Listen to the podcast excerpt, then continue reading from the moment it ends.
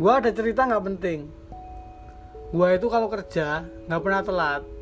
Tapi sekalinya telat itu parah. Kemarin itu gue telat 151 menit. Dua jam setengah. Parah ya. Aturan kan gue kerja masuk jam 8 pagi tuh.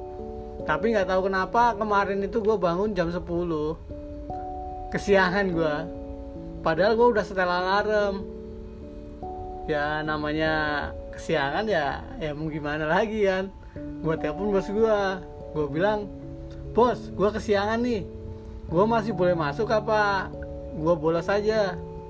Kata bos gue udah masuk aja. Ya udah aman dong. Gue udah telepon bos gue gue mandi gue berangkat ke kantor. Nyampe di kantor gue absen. Habis absen dipanggil sama bos gue kirain gue aman ya? Nggak taunya diomelin juga tahu gitu mah ngapain gue masuk ya? Mendingan gue di rumah bikin podcast. Nah itu cerita nggak penting gue kalau kalian masih dengerin cerita gue berarti kalian lagi gak ada kerjaan. ya